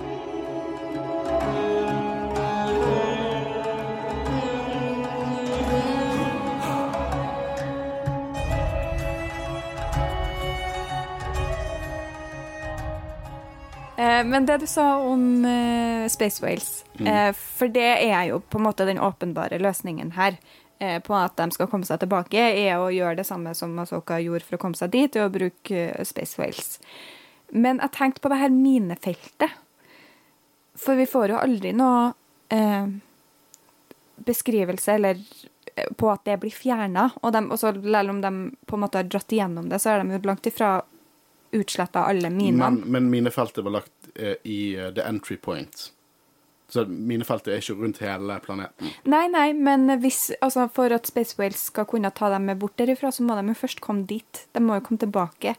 Og, og sett bort ifra på en måte eh, akkurat denne situasjonen, så tenker jeg jo litt på hva gjør det her med eh, Pergles og, og her, her er jo et migrasjonspunkt for dem, et veldig viktig et. Mm. Eh, så, jeg bare lurer på om det her minefeltet kommer inn i play igjen, kanskje. Men jeg kan, jeg kan kjøpe Pergils, Space Wheels, for det at Astro har jo et veldig sterkt bånd til dem. Ja. Eh, så han Og kan jo være har jo vist seg til å ha det også, så Ja, men jeg tenker Astro har et mye sterkere bånd til Ja, dem. Det er i hvert fall tanke på det sesongfinalen av uh, seriefinalen altså, jeg, kan, jeg kan forestille meg at uh, Tron er dratt, og de ikke eh, kommer noen vei. De strandet der, og så greier Astra å tilkalle Space Whales. Mm. Og vi ser dem jo i atmosfæren på den andre planeten. Det er på Citos, ja. Ja. Mm. Eh, så det er jo ikke umulig heller at For her er jo helt tydelig om Plass Purgles er opptil flere ganger. Men det er litt rart at han på en måte ikke har fått dem, med å- fått dem til å ta Han har jo ikke muligheten til å komme seg opp i atmosfæren eller å være inne i en space whale uten et spaceship i hyperspace. Det er en death sentence. Så han har jo ikke Ja. hatt praktisk måte nå å komme seg hjem igjen, liksom. Nei. Uten å bruke Thrawn. Men nå det, har de jo et skip. ja. Ja. Og det, det er jo morsomt, for liksom, i teorien kunne jo sikkert Thrawn og Ezra jobbet sammen for å komme seg tilbake igjen. Mm. Ved å bruke de her hippie force-evnene til denne kiden. Men, men uh, Ezra vil jo ikke. Nei, selvfølgelig. Eller Thrawn, så det er moot point. Og det er så mye som skal inn i et neste episode, for de bygger virkelig opp Men Guro, impatience for victory will guarantee defeat. Jo, men, men det bygger jo opp, veldig opp til at uh, Ezra skal bli veldig sint for det Sabine har gjort. òg, på Jeg føler ikke de bygger opp mot deg. Nå, De har jo på en måte dratt ut at hun ikke har fortalt det. Hvis det på en måte ikke skulle være en ting som trengte å løses opp i, så hadde de jo ikke Da kunne de jo bare gjort det i, når de, altså i den scenen når de sitter i den der vogna. Mm. Da kunne de jo bare tatt det der, der hun har fortalt, og han har vært sånn OK, ja, jeg skjønner. Det, det vi tenker nå, det vi diskuterer, det er at vi håper at neste episode varer i to timer. Ja, det, det må Og gjerne tre timer. Ja altså, da. faen lurer på hvor lang episode av Jedi-rådet blir eh, dagen etter. Men For, det- for det jeg òg tenkte på, var at denne episoden kanskje kunne hatt godt av å ha vært en sånn eh, double feature, skal jeg å si. En, en, eh, på samme måte som vi får en dobbel premiere, så hadde vi fått en dobbel avslutning med denne episoden og siste. Men kanskje hvis siste er dritlang, så er det litt dumt. Eh, så vi krysser fingrene for at det er derfor det ikke er gjort. jeg, jeg, jeg, jeg, bare, jeg, jeg er livredd for å, å skape eh, Liksom Å få for mye håp her. Så jeg, jeg eh, Foreløpig har denne serien imponert meg mer enn jeg trodde det skulle være. eh, gjøre. Og, og jeg tror ganske sikkert at det er min favoritt Star Wars live action-serie to date. Eh, og, og så jeg, jeg, jeg tror det er en plan her. Og, og, og Star Wars har eh, siden Mando har vært preget av at de har planer. Og de har en rød tråd på det de forteller, så jeg eh, krysser fingrene for at dette her de, de klarer å slå den ut av parken i siste episode. Ja da. Er det én person jeg stoler på i Star Wars-universet, så er det Dave Filoni. Definitivt. Så det, Ja, jeg håper bare at han har fått ressursene til å gjøre det han har lyst til å gjøre. Det tror de ikke jeg. må inngå et kompromiss om slutten her. At, det, um, at de ikke ofrer for mye av denne serien for andre serier for at ting skal være i andre serier eller Jeg i tror ikke. filmen. Jeg tror dette her er hans baby. Dette er hans Ja. barn. Jeg tror eh, Er det han som regisserer siste episode? vet du hva, det vil jeg tippe. Ja. Jeg Det, det har jeg lyst til å Ja. Mm. Skulle ikke Eh, forundre meg. Nå eh, eh, sender jo Throne ut to gunships. Eh, det er jo eh, LAAT slash LA eh, gunships, brukt av Republikken og Empire og veldig mye animasjon. Alltid gøy å se de i live action. De har blitt vært i live action før, men det, det er kult å se de her. Jeg liker hvordan de bruker sånn delvis en, en full-sized prop for å på en måte merge det bedre inn med CGI-en, som er veldig kult. Eh, og vi får se hva Night Troopers har å by på. Det var et antiklimaks. Ja. Eh, og det er kanskje min egen feil. Eh, jo, det er min, eh, det er min egen feil. Ja. Uh, hyper opp trooper action, og det er ikke alltid man får god trooper action. Og så liksom til deres forsvar, de slåss mot to helter. Det er ikke fullt av red shirts der. Og jeg vil ikke se Night Troopers sånn massakrere Denoti. Uh, så uh, uh, jeg skjønner det, men de var Det er ingenting her som, som tyder på at dette var undead troopers. Nei. Ingenting som tyder på det. De, de, oppførte seg som helt vanlige stormtroopers. Og det er helt greit. Det er, det er ikke sånn Å nei, nå er serien er ødelagt. Langt ifra. Det er helt greit. Ja, det er helt greit. Ja. Eh, jeg syns det var veldig kult med Trond som står i det her kontrollrommet og på en måte eh, kommuniserer med dem og er veldig spesifikk, spesifikk på hvilken eh, taktikk de skal velge, og har liksom koder og, og Jeg føler ikke at det er kanskje noe vi har sett så mye av i, i eh, Star Wars før. Nei, eh, og jeg føler det er riktig sted å på en måte få det fram da med han, for det at han har Ja, fått en oppbygging nå i lang tid. Ja, for det, du, det er Tron i et nøtteskall. Ja.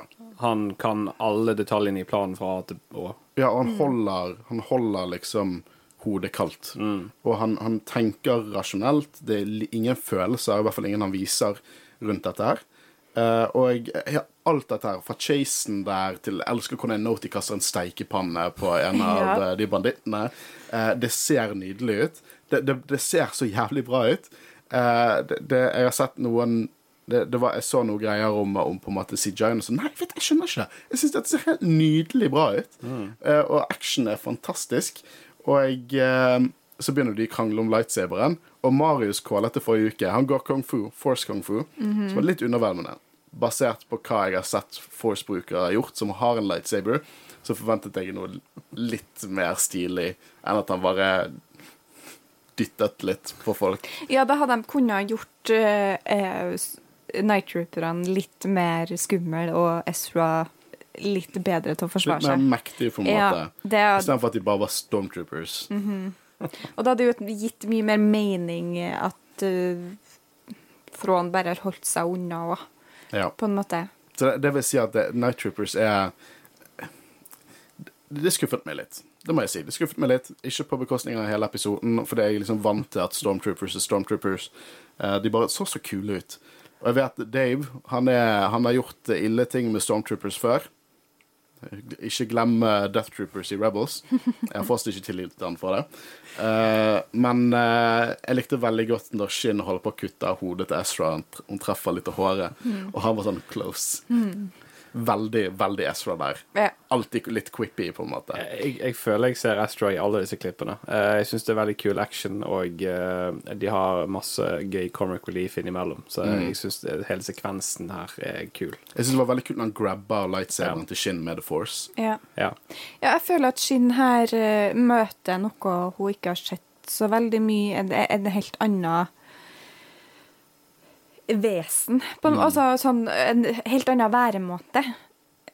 Altså, jeg, jeg er bare overbevist om at her kommer det til å bli At hun kommer til å bli konvertert på et, på et eller annet vis på et eller annet tidspunkt. Hun ser jo veldig usikker ut. Ja. Spesielt òg når uh, Asoka uh, rekker ut hånden. Nå er ikke vi kommet der ennå, men Uh, Nei, du, liksom. ser, du ser på en måte at det er litt sånn tvil i øynene. Men jeg tror det òg har litt med at uh, Balen på en måte har Hun er en lost puppy. ja, har sagt at du, du går en annen vei enn det jeg går.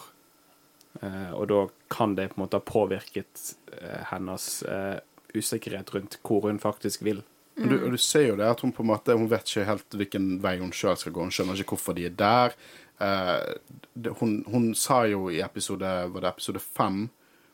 Og episode seks hun sa det at hun lurte på om hun også var en Booken Jedi. Så måtte Baylon rette Nei, nei, du er ikke en Jedi, du er noe annet. Så Hun vet ikke sjøl hva hun er. Eh, og det, det merker man veldig her. Og det er noe med at hun løper vekk. Ja, og jeg tror at hun eh, eh, Det hun hadde, hadde sett for seg, var at hun skulle være sammen med Balen. Og så stikker han av, og, da, og så ser hun de her som, har, som kjemper side om side, og som på en måte har et samhold, og som har en banter, og som på en måte og- så igjen, da, når eh, Asoka Når hun på en måte er overvunnet, og de kan ta henne, så velger de å ikke gjøre det. Og det òg tror jeg kanskje er noe hun ikke har sett så veldig mye til, med tanke Eller det vi kan se for oss at det er hun og brutal har, eh, har drevet med. Og, og jeg får litt inntrykk av det hun kommer fra òg, at der hun kommer fra før hun møtte Beilen, Balen, ikke nødvendigvis var så veldig eh, rosa skyer. Jeg føler eh, mye av credits skal gå her, selvfølgelig til de som skriver dette, men også til skuespilleren. For at jeg føler fjeset hennes og bare holdningen hennes sier så utrolig mye. Det er liksom, hun, er, hun er tøff og brutal og rask, men det er en sårbarhet der. Ja. Uh, jeg synes, liksom, for det, Vi skal ikke glemme Nå har jeg ikke skuespilleren sitt navn i hodet, men vi skal ikke glemme at Shin Hati er også en utrolig fascinerende karakter. Eh, og jeg gleder meg til å se hva som skjer videre her. Uh, nå har vi hoppet litt frem og tilbake, men vi får en duell mellom Asoka og Baylon her også. Um, jeg liker veldig godt det banteret igjen, med Huyang og Asoka. Hva var det eh, hun skal, Han skal slippe henne av i fart. Not again. Not again. Mm. Ja, det skjedde bare fordi you missed your mark. Og jeg følte meg skikkelig dårlig for det. Nei, det gjorde du ikke. Det er så jævlig bra. Og det er så, det er så Ahsoka. Hun er så tilbake, liksom. Til og med nå. Det er livsfarlig. Uh, og eh, hun driver med banter. Og Fy søren, denne serien nailer lightsaber combat. Altså. Og det er sånn, det, det er det er så mange bra dueller i denne serien at alt går liksom litt i ett, så du må liksom ta deg tid til å bare kose deg med det. Og så er det så sykt Jeg bare elsker også Baylon. What the fuck does he want? Det vet jeg ikke. Håper vi får noe svar på det snart. Men når han står der, og hun spør om han er skuffet, og han sier nei, så tror jeg han. Jeg tror ikke han er skuffet. Jeg tror han synes at Jeg tror ikke han har lyst til å på en måte drepe Soka. Jeg tror på han, liksom. Eh, her er det han som trekker Lysabel først, og jeg Og drepe Soka var jo en jobb for han. Ja. Ja. Det, han har jo ikke noe Han nevnte jo i tidligere episode at han syntes, han syntes det var trist å måtte drepe en av de få jediene som levde fortsatt, på en måte. Eh, han har jo et rart forhold til Jedi-ordren, og det, det virker ikke som han har kuttet seg helt av det. Um, det pianothemet som, er- som er på han. Det er så Det treffer så annerledes, men det har blitt eh, veldig ikonisk i hodet mitt. Eh, spesielt fordi at når han blokkerer henne, og så sier han 'You can't defeat me', så kommer det pianotheme inn, og jeg syns det er kjempekult. Eh, men det er en avledning fra Hu Yang, og jeg, eh, hun klarer å slippe unna. Og her får vi også en nytt sånn karakterøyeblikk med, med Baylon, for her føler jeg en usikkerhet, fordi at han vet at Asoka drar mot Shin. Eh, og jeg vet ikke om det betyr at han drar tilbake igjen mot det, eller han drar videre. Men det er en usikkerhet. Han er ikke 100 sikker på avgjørelsene sine. Og det, det liker jeg, for det sier mer om deres forhold. er at han kan leke kald og, og eh, målbevisst så mye han vil, men han bryr seg fortsatt om skinn. Ja, så er det Det går litt imot det han snakker om med på en måte Jedi-ordren, og hvor feil de tok i sine avgjørelser og sin måte å se på The Force på. Eh, han gjør jo egentlig akkurat det samme som enhver mester ville ha gjort, på en måte. Eller en mester ville kanskje ikke ha forlatt sin Padawan, men at det i hvert fall er på en måte det større bildet. Du skal ikke eh, eh, prioritere dine egne følelser. Du skal ikke kjempe for dem du er glad i. Du skal ikke bli glad i noen i det hele tatt, egentlig. Det er ikke det det handler om. Eh, så ja, altså, det er ironisk, men også veldig passende. Ja. Men jeg vet om, jeg vet ikke hva som han syns, han, hva han mener var liksom the downfall til Jedi-ordren. Men jeg kan like å tro at han går hardere i den andre retningen uh, enn det Asoka gjør, for å være en Jedi, liksom. Eh, spiced in med litt dark side-mentalitet. Men jeg, jeg, jeg vil ha en god konklusjon til han uh, i neste episode. Jeg virkelig vil det. Um, og så håper jeg for karakterens skyld og, og Ray Stevenson sin, sin utrolig gode skuespill at historien hans blir konkludert i denne sesongen. Ja, det håper jeg òg. Virkelig. Jeg vil ikke ha recasting. Jeg vil at, jeg vil at historien skal bli konkludert.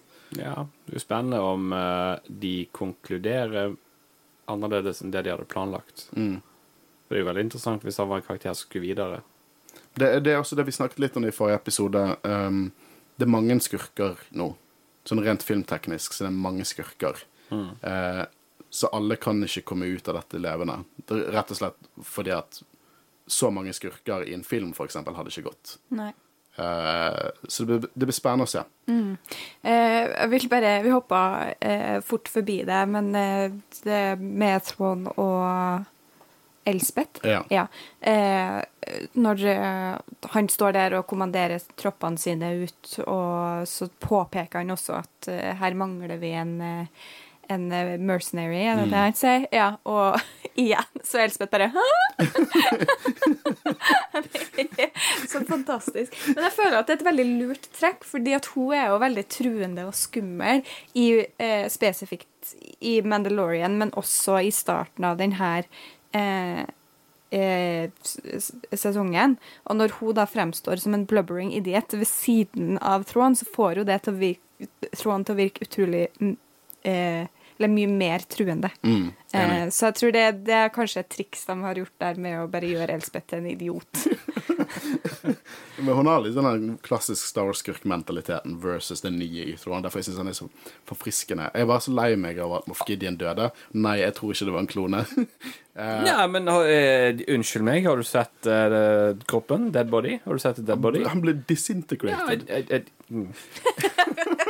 Nei, nei, nei. Altså, det prinsippet jeg har lært Ser du ikke en død kropp, så kan ikke du forvente at det er dødt. Som regel er det folk med the force, da, som, som Hvis de faller, så er ikke de døde. Men la oss si at han er død. Ja. Ok. Eh, det, hadde, det gjorde meg litt trist, fordi at jeg hadde lyst Så Moff Gideon, spilt briljant av Giancarlo Esposito, som virkelig choose the scenery, liksom. Det er mer cheesy, dramatisk skurk enn Throne. Eh, og jeg Det hadde vært gøy å sette Trond bare sette han på plass. Ja, og han hadde nok definitivt ikke vært så veldig fornøyd med at det kom en eller annen annen blå fyr og skulle liksom ta over lederrollen her. Han bare kom ut av det blå.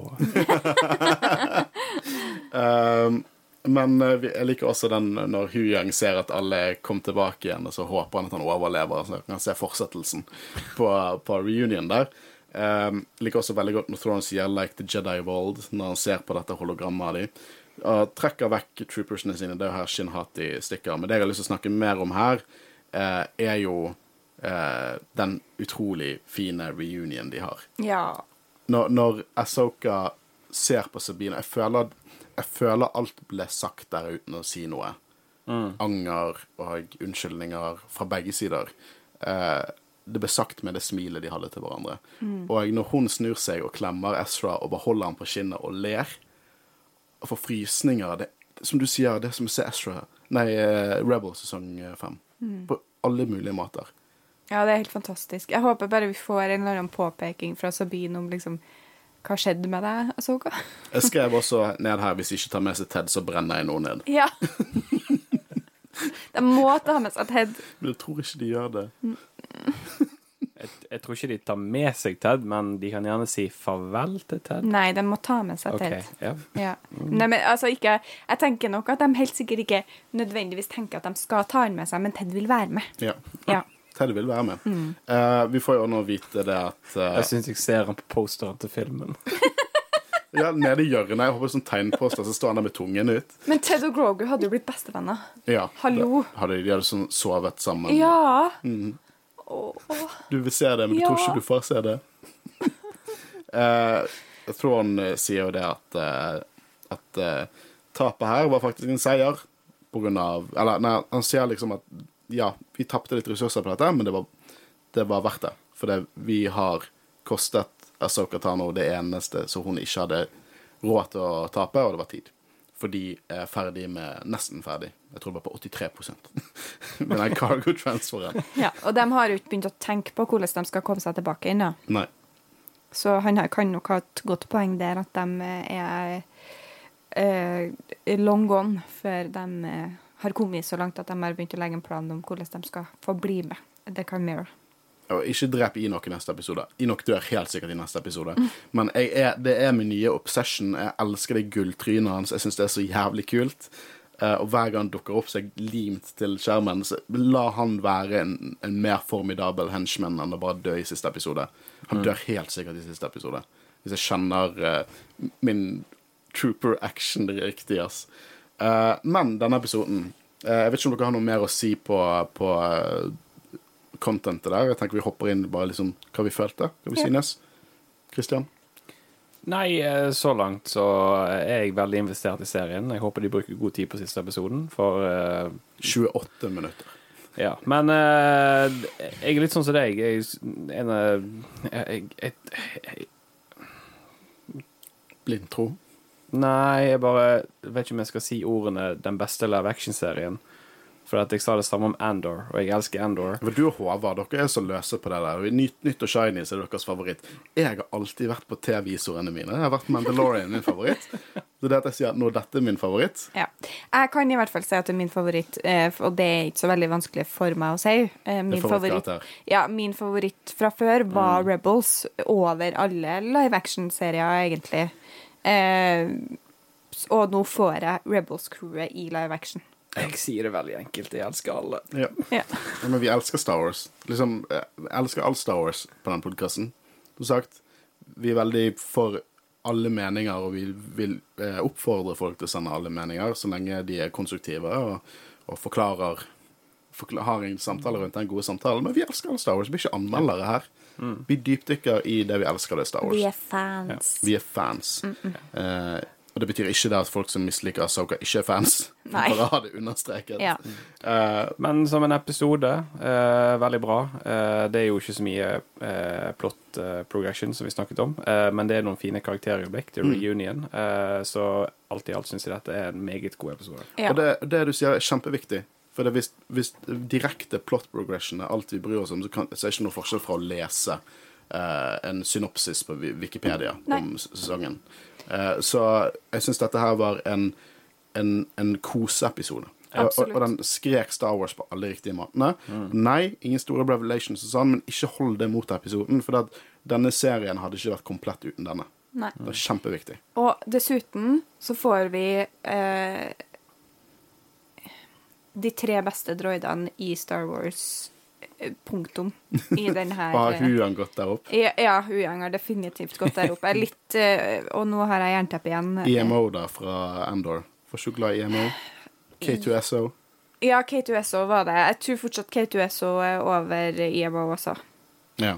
Ja. BB8. Du er ikke så veldig på BB8. Nei, BB8 er, BB8 er kul. Altså, alle droider er kule. R2D2, Eh, nei, Nei, R2D2 er for, main, har- R2D2 for mainstream Ja. for, for Guro. R5.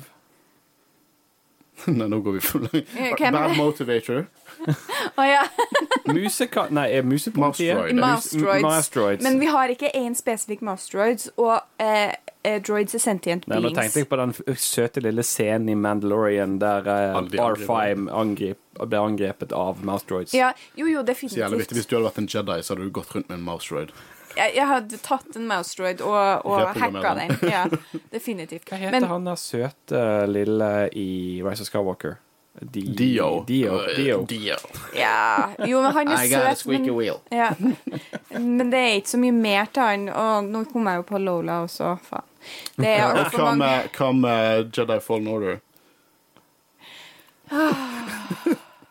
Jo, men likevel. Likevel. Det, det er de tre beste droidene. Ja. Ja. Det er 100 de tre beste droidene. Og det får vi i én synes C-3PO episode. litt overvurdert. Men han er den originale. Han er min første droidekjærlighet. Ja. Ja. Eh, men ja, jeg syns det det- som sagt, essensiell episoder. Mm. Og karakterøyeblikk er like viktig som plott. Mhm. Ikke glem det. det, utro, det. Jeg tror mange som glemmer det. For du bruker, når du sier det var lite plott, så bruker ikke du det som kritikk, men mange bruker det som kritikk. Nei, Men det det- men er ikke det- noe kritisk ment. Det, Nei, det, men det er bare det, For det er det folk må tenke litt Uh, For det, alle er jo på en måte nå amatørkritikere. Um, at det er lite plott betyr liksom det betyr, det betyr ingenting. Nei, men altså tenker jeg at vi skal ikke Bare fordi at vi ikke eh, eller dere ikke har fått inn masse henvendelser, så kan jeg også tenke at det er kanskje litt lite å kommentere på. Ja. Eh, så det trenger ikke å være at folk syns at den er så fryktelig dårlig. Det er bare at de har ikke så veldig mye å si om den, fordi at det var ikke så mye plott som skjedde. Ja, det Så- er veldig forståelig. Ja. Uh, ja, vi fikk litt mindre henvendelser i dag. Og det, det, det forventet det visste jeg kom til å skje når vi så episoden, for det var som sagt ikke så store revelations. Uh, men med det så tenker jeg at vi hopper inn i lytterinnspill. Ja.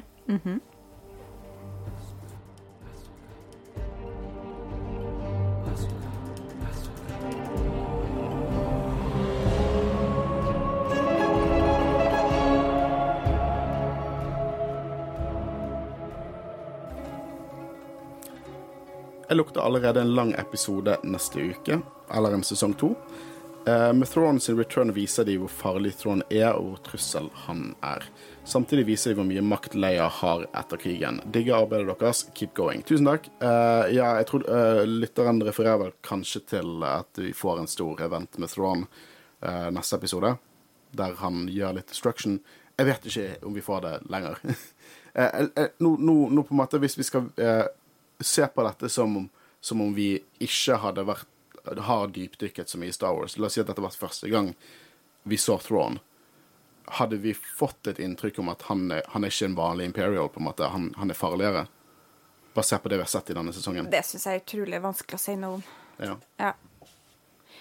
Ja, Men jeg vet ikke om det er i Throne sin stil å bare liksom komme brasende inn i galaksen og begynne å skyte ned ting. Ja, for det, det vi eh, forutså, var jo kanskje mot de tre cruiserne som var på Sitos. Eh, at de var plassert der rett og slett fordi at vi skulle få et stort, eller medium-sized slag. Ja, det blir ikke så veldig stort slag med tre cruisers. Nei, nei, men det er sikkert nok for uh, å kunne vise hvor, uh, hvor farlig han er, da. Jeg vet ikke om det skjer lenger, så det er på en måte litt en mute point, men uh, jeg, jeg kan ikke si det, for jeg er dypt inne i karakteren for han. Vi alle er det. Men uh, jeg føler liksom mer parallellene mot en Vi har snakket litt om det han versus en vanlig Imperial, skulle sett originaltrilogien. Så føler jeg at det er noe annet der. Og, og den revealen han hadde uh, i episode seks. Så jeg føler at det er noe mer enn bare en vanlig Imperial her, Uh, basert på denne sesongen alene. Men det er vanskelig å si. Vi, vi har jo fortsatt en episode som forhåpentligvis er lang. Jeg bare eh, Hva var det Hera sier? Prepare for the worst, hope for the best. eh, så vi ser hva som skjer. Eh, fy faen, jeg hadde så lyst til å se Ezra med lightsaber, men endelig C3PO som faktisk var brukbar. C3PO er alltid brukbar. How dare you? Men eh, ja, jeg, jeg vet ikke. Jeg var mer Jeg var faktisk Jeg likte det at de Kanskje ikke så godt mye på utførelsen, jeg syns de kunne gjort det litt mer badass, men jeg likte det at han går liksom kung fu force. Det finnes jo ikke noe mer Jedi i det. Det er jo på en måte Yoda eh, i originaltrilogien. Han trenger ikke en lightsaber. Han, har The force. Eneste uh, allien han trenger. Har du ikke sett den, eh, den Instagrammen der Dave Filoni Eller ikke Instagrammen, den videoen. Uh, Dave Filoni på Celebrations, der eh, alle spør eh, hvor er Ezra, og så sier han eh, Har du ikke lyst til å vite hvor Ezra er? Har du ikke sett det? Nei. For der sier han eh, Ezra is far, far away. Akkurat den samme tittelen som episoden der. Så eh, Frysninger på ryggen. Å, herregud. Ja. Luringene. Ja. Oh, tenk deg hvor fuckings kult det er. I hvert fall for Dave Loney, som er sånn oppriktig kjempe-Star Wars-fan, å få sitte på en scene og si det til tusenvis av mennesker, og så Og ingen har peiling. Nei, og han vet, og de vet ikke. Og han, det er han som har funnet på det, liksom. Åh, det må Det er så så mange som tenker liksom det var en jævlig teit spøk. Men det går liksom far, far away. Hva betyr det? Og så er det i episoden. Little did we know. Uh, vi burde tatt notater. Mye bandnotater notater på Celebration, vi tydeligvis. Uh, dette er min favoritt ikke, jeg er like glad i alle som sender inn. Kanskje, vi, som sagt, vi leser alle, og vi kan ikke alt Selv om i dag har det vært mindre på gang, det er fortsatt ganske mange som sender. uh, men her er en jeg likte veldig godt. Jeg har konkludert. Elsker skilpadde Ewoks. Same. Uh, det minner meg om Ewoks, bortsett fra at jeg ikke misliker dem. Eller vet du hva, jeg har sagt det mange ganger. Det er ikke Ewoksene jeg misliker, det er Stormtroopers. For det er den beste bataljen. My ass, Palpatine. Uh, men her er det en, og han er en kjenning til podkasten. En god venn eh, av oss fra studentradioen-tiden, og, og fan av oss. Uh, og han er en kjent troller. Jeg vet hva du driver med. Han skriver Captain Kennedy bedre enn Thrawn. Eh, og jeg, jeg er jo en Captain Kennedy-kondisør. Elsker de halvannen minuttene han var med i Star Wars-sagaen, som er kriminelt underbrukt for en nydelig, nydelig karakter. Jeg tror, Lagde ikke du en sånn uh, Jo, femminutters uh, Jo, jo, jo. Uh, ja. så må, vi må Jeg, fortsette jeg, med den. jeg er enig med, jeg er med. Han er en kul karakter. Ja, men han slår ikke Thrawn. Kom an. Nei, Og jeg tror ikke du Du vet hvem du er. Synes det heller. Jeg tror du eh, You trying to get at me. uh, han skriver altså Skjønner ikke helt taktikken til Thrawn, men nå er ikke jeg geni heller. Alltid et steg foran. Uh, jeg skjønner jo taktikken. Det, det var, jeg, kan, jeg kan ikke si at dette her var en sånn Det var ikke sånn uh, uh, Agatha Christie-dyp eh, mysterium hva taktikken hans var, men det var rimelig simpelt. Han kjøpte tid. Eh, men jeg føler jeg fikk inntrykk av at han er en mann som holder hodet kaldt, og er klarer å tenke for, uh, for, forut sin egen nese. Ja, for det er jo enkelt å tenke at det er bedre for, eh, for Thro- Thrawn å, ta ut eh, Ezra og Asoka og Sabine. Men ved å prøve å gjøre det, så risikerer han også i mye større grad at de får en sjanse til å bli med tilbake. Og dette er en mann som skjønner hvilket univers han lever i, for han Ja. vet hvor mye skade to Force Sensitives kan gjøre mot Tre. eh, tre Force Ja. Sensitives kan gjøre mot, eh, mot eh, en hær av Stormtroopers. Eh, spesielt når han har jobbet med Anakin, og det var liksom Hva er det Anakin sier i sesong syv av Clone Wars, da? Det er bare 1000 droider der. Hva er dere så redd for? Sant? og dette er Padawan til Anakin Skywalker. Eh, hvis de ikke gir oss Throne Theme i siste episode, så kommer jeg til å klikke fullstendig. Eh, Thrawn-themet var med i forrige episode. Det var ikke sånn skikkelig kicket inn, men det var der. Fikk det, det, det, men eh, ja, ja, jeg vil høre det, jeg òg. Det veldig kult theme. Uh, Daddy Thrawn er bare best. Enig. Kongeepisode, men savner en ugle. Ja. Hvor faen er Morai? Vi, snakker, vi driver maser om, om Seb, men hvor faen er Morai? Ja. Kommer vi til å se Morai? Jeg ville nå trodd at vi hadde sett Morai i World Between Worlds. Ja. Det var jo der jeg òg forventet kanskje at hun skulle dukke opp. Ja. Ja, nei, jeg vet ikke hvorfor de Altså, de Hun var jo eh, Gjorde jo en liten cameo i Mandalorian. Blinken jo mistet cameo, ja. Ja, ja. Men eh, ja, hun var med i Mando sesong to. Så det er nesten litt rart. Mm. Men gudene vet om de har tenkt å gjøre noe mer med det eller ikke. Hun er jo ikke en veldig essensiell karakter, men uh... Og, vi, men, og, og så tenker jeg også at det er gøy med den cameoen der, men hvis de ikke har tenkt å gjøre noe med det, hvis det ikke er en del av planen på hvor historien til Soka skal gå hen, så skjønner jeg jo at de kanskje ekskluderer det. At, man må velge bort for noe. hun er på en måte hun, hun, hun er for meg veldig ikonisk Asoka, men hun er ikke nødvendigvis essensiell for plott, nødvendigvis essensiell for plottet hennes videre. Men jeg skulle gjerne sett henne. Ja, ja. Eh, ja. absolutt. Uh, for de som ikke vet det, gå og se den fantastiske Star Wars-serien Star Wars Rebels, så får dere vite det. Yes. Uh, og den, den, den, hun, hun har litt røtter til Mortis-arken i, i Clone Wars. Se den nå. Hele Clone Wars. Uh, skikkelig Old Rebels-kjemi på alle sammen? Ja. Ja. Det er så sømløst som det kan bli. Uh, gøy å se. C-3PO og Leia Cameo var genialt. Vi snakket jo litt om det, men ja. Det var eh, perfekt måte å håndtere det på. Jeg følte tilstedeværelsen av Leia. For det, til og med, til og med hvis Carrie Fisher levde, så hadde synes at det var litt voldsomt at hun dukket opp. Men hun hadde ikke kunnet gjort det, for hun har rett og slett blitt for gammel. Ja, ja, men da hadde, Hvis hun levde, hadde jo de gjort en, en, en sånn deepfake som de gjorde med Luke. Nå er jo det problematisk fordi hun er død. Ja da, ja, en deepfake. Ja, det, Ja. det er ikke hun som spiller Ja, kroppen. De gjorde jo det i Rogue One, så. Ja. med en ja. norsk skuespiller, blant annet. Eh, men Christian, nå har jo ikke du lest Lytterens spill på flere uker. Hva har du holdt på med? Så du kan hoppe inn i dine. Og jeg har, eh, jeg har vært inne og lest litt.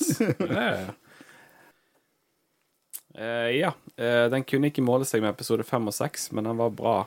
Men tror dere at Balen Skull, uh, blir strandet på planeten fordi Asoka stjal hest, hestehunden hans? Eller tror dere han greier å gå tilbake? Fordi Tron virket ikke veldig entusiastisk på å hente han. Nei, Tron er ikke hans største fan. Nei, Tron uh, couldn't give, give less fucks. Jeg tror ikke han har veldig lyst til å gi eh, Shin Hati en stor rolle i sitt kommende Empire heller. Nei, nei, han har ikke noen planer om å ta med seg noen av dem tilbake. Jeg, jeg vet ikke. Denne, jeg vet da faen hva han vil, Balen, liksom. Nei, men Balen hadde jo altså, Sånn i utgangspunktet, tenker jeg, så hadde, var han mer opptatt av å få tak i det han har tenkt å få tak i, enn å få bli med tilbake. Ja, men hva Jeg, jeg, er det? Ja. Hva som er motivasjonen til Balen er jo Men jeg tenker jo for Trons en del så betyr det ikke noe om han er med eller ikke med. Nei. Nei. Enten så blir han strandet, eller så er han med tilbake. Jeg tror, jeg tror ikke han er fan av Jedi-røttene hans, rett og slett. Nei. Nei. Du, du, er ikke fan av The Force? Nei. Bunch of hippies. Fuck The Force. Men dark magic med K, det er fint. Jo, jo, men bare når det brukes til hans fordel. Det. Uh, neste, skal vi se. Jeg er en smule skuffet, men det kan være pga. de skyhøye forventningene. Episoden føltes en smule rushed, innholdsfattig samtidig, men innholdsfattig samtidig. Jeg vil si den desidert dårligste episoden i Asoka så langt, men misforstå meg rett, den er fortsatt knallbra Star Wars. Bare ikke helt det jeg hadde håpet på personlig.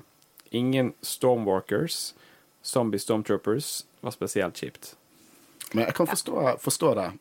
For det er, vi har fått to eh, Jeg syns egentlig fire også. Var tre bombastiske Star Wars-episoder. Med revelations og store hendelser og twister. Eh, så at vi får en nå som på en måte er det vi kaller en koseepisode, eh, kan eh, Jeg kan forstå at det føles litt undervelmende ut. Jeg føler at dette er en sånn episode som er en sånn som når du ser det første gang, så føles den undervelmende, men når du ser det på nytt igjen, så blir det en av dine favoritter. Fordi det er så mye karakterøyeblikk her. Det har jeg i hvert fall veldig ofte med, eh, med sånne serier og sånn at når, når ting kommer, eh, og du, har, du er veldig interessert i eh, hva som, hva som skal skje, hvor er plottet, hva er greia, eh, så glemmer du litt karakterene, og så da når du skal gå tilbake og kose deg med det, så er det det du setter mest pris på.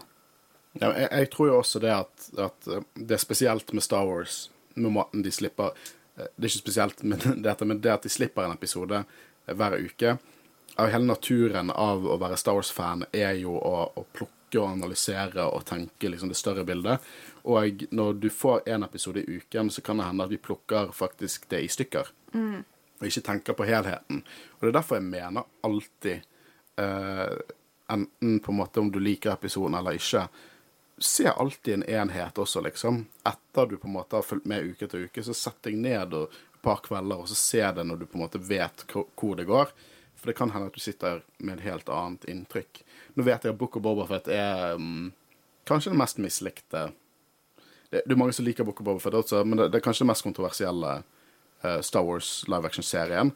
Men den er også sånn, synes jeg fungerer utrolig godt som to sånn sett med, med, med historier. Sånn, du har de, fire første episodene, altså, en trilogi som trekker inn Mando, Luke og Boba, de tre siste. Uh, og det på en måte ga meg uh, mye å se det på en måte når jeg visste hvor det gikk. Uh, så jeg føler man, man bør, bør gjøre det med alle disse seriene. Da kan du hoppe inn i din. Hei, Jedi-rådet. Nok en strålende episode synes serien blir mer og mer klassisk, klassisk Star Wars. Actionfylt med glimt i øyet. C3PO, the cameo we didn't know we needed. Jeg er så enig. Det hadde ikke skjøttet for meg, og så sto han der, og så var jeg ja, ja. Eh, og best av alt eh, så føles det helt naturlig at han skal gi den beskjeden fra Leia. Tar meg ikke ut av det. Også helt enig. Eh, Coruscant ser nydelig ut, og The New Republic er like naiv som alltid. Må si jeg gleder meg til Thrawn kommer tilbake. Elsker øyeblikket når Thrawn innser at Ahsoka var Anakins lærling. Første gang vi ser at Thrawn blir lettere bekymret. Shin ble enda mer interessant karakter denne episoden. Hun er tydelig konfliktet etter at Balen forlater henne. Det blir interessant å se hvilken vei hun velger. Så mye god dialog og detaljer i denne episoden. Mye en kan henge seg opp i. Koste meg gjennom hele episoden, som føles nærmest perfekt. Can't wait uh, for next week. Og hva slash hvem skal Balen Skull finne? Teorier? Har ikke peiling. Nei, aner ikke. Uh, what does he want? Det, Ja. det er liksom uh, Jeg vet ikke, for han, han har jo ikke noe, noe praktisk end goal her, liksom, som kan komme seg vekk derifra. Det er nesten så han forventer at denne her makten han skal lete etter, skal gjøre han allmektig, eller noe sånt. Ja, det er veldig rart. eh, Jeg, skjø- jeg, altså, vi har ikke fått noe hint. Nei. Jeg har ingen teorier på hva det kan være. Det er makt som han mener eh, motiverer The Death Miri til å komme seg vekk derifra, men som han ønsker å omfavne. Jeg vet, da faen, jeg. Jeg har ikke peiling. Jeg, jeg, misforstår meg rett, jeg liker veldig godt at jeg ikke har peiling. men Kan det være noe Åh, Kjære vene. Nå har jeg glemt hva de store Force-userne fra Sappho. Sepho, ja. Kan det være noe Sepho-relatert, siden vi har fått hint om at uh, det har vært Sepho Det er litt sånn? Jeg, jeg, jeg vet ikke hvor, hvor, hvor bokstavelig vi skal ta de referansene, annet enn gøye referanser. Nei, for det kan bare være gøye easter eggs som dem som har liksom må lage kulissene, kose seg med, på en måte. Det er litt sånn som på, i Bobafett sin trone, i Book of Bobafett, så står det Sith-runer Bobafett. Ja. Det gir ikke mening. For det at Bib Fortuna satt på den. Hvorfor skal det være Sith-runer som sier Bobafett? Ja. Og det er litt sånn Det er ikke meningen. Det er litt sånn Hva var det Det, det var en det var, et, det var et Star Wars-prosjekt der det var i Orbash, så står det Her står det ingenting, men, men fansene kommer til å plukke det fra hverandre i Orbash. Ja, nemlig. Sånn, Det er liksom, Du skal ikke ta det bokstavelig. Så jeg vet ikke. Men det hadde jo vært jævlig gøy hvis Mm, det det var var en eller annen Sepho-power her. Det hadde jo vært helt eh, hadde blitt blåst av stolen min. Hvis det var det som var dealen. Ja, det hadde jo ikke vært så vanskelig å tenke seg at de kanskje er fra en annen galakse også. Det eneste jeg tenker, er at hvor, mainstream for Star Wars-fans er The Sepho. Men trenger de nødvendigvis å være det? Men det trenger vel ikke. De Makt trenger- er makt, på en måte. Ja, ja, det er gøy for dem som vet det, og så er det på en måte mister du ikke så mye. Det er den beste fanservicen som finnes, liksom. Ja. Det blir spennende å se. Eh, jeg er bare jævlig spent på siste episode. Hvis vi skal liksom ta en teori i det hele tatt, så er det mitt eneste forslag. Kujet the Great, Sepho Power. Ja. Vi tar det der. Har dere noe mer å si? Nei. Nei. Det, Det er bare godt å være tilbake. Det er godt å være det er godt å ha deg tilbake. Og det er Eh, veldig gøy å være gjest her, men jeg gleder meg litt å få trioen samla igjen neste uke. Ja, Neste uke så er Håvard tilbake. Som sagt vært i Galaxy's Edge. Han har kjøpt Cal Castis sin lightsaber eh, for meg. eh, nå når vi snakket om Jedi Fallen Order. Så jeg, til, jeg vet ikke om jeg gleder meg mest til lightsaberen eller Håvard. Eh, fortsatt litt irritert på at han dro dit uten oss. Eh, jeg har også lyst til å takke Arild Øren Vanvik for den fantastiske On Point Asoka-inspirerte musikken han laget til oss. Eh, det kan ikke bli understated hvor heldige vi er her der. Eh, han virkelig øker eh, kvaliteten på den podkasten til de grader. Sjekk han ut der du hører musikk, på Spotify, iTunes, eh, Amazon Music og der. Eh, jeg, jeg researchet litt. Visste du at vi er på Audible? Du kan høre Jedi-rådet på Audible. Er vi? Nei, det var jeg ikke klar over. Nei, det er vi er der. Gøy. Jeg vet ikke hvorfor. Apropos Audible, hvis du liker å lese bøker, eh, så hold utkikk etter en ny podkast som dukker opp snart, eh, som heter Eseløret, en bokpod. Eh, Der vil du høre meg og min venninne Ayla snakke om eh, forskjellige bøker. Vi starter med, med Hunger Games, så, så særlig hvis du er fan av Hunger Games, så eh, eh, søk opp på Instagram eh, og finn kontoen vår der, så får du med deg når vi poster første episode. Det blir ikke så veldig lenge til. Og det blir, da blir den andre podkasten under podkastkollektivet, som var eh, det vi kalte profilen vår når vi løsrev oss fra Studentradioen i Bergen. Så det blir gøy. De er veldig flinke begge to. Radioveteraner begge to. Uh, og så eh, var det vel det. Vi snakkes neste uke med en sikkert jævlig lang Asoka-episode. Ellers en skuffende kort, men fortsatt så kommer det sikkert til å være bra. Mitt navn er Håkon Øren, og har sittet sammen i studio med Kristian Høgen Aspen. Og Guro Vågan. Vi snakkes neste uke. Ha det godt.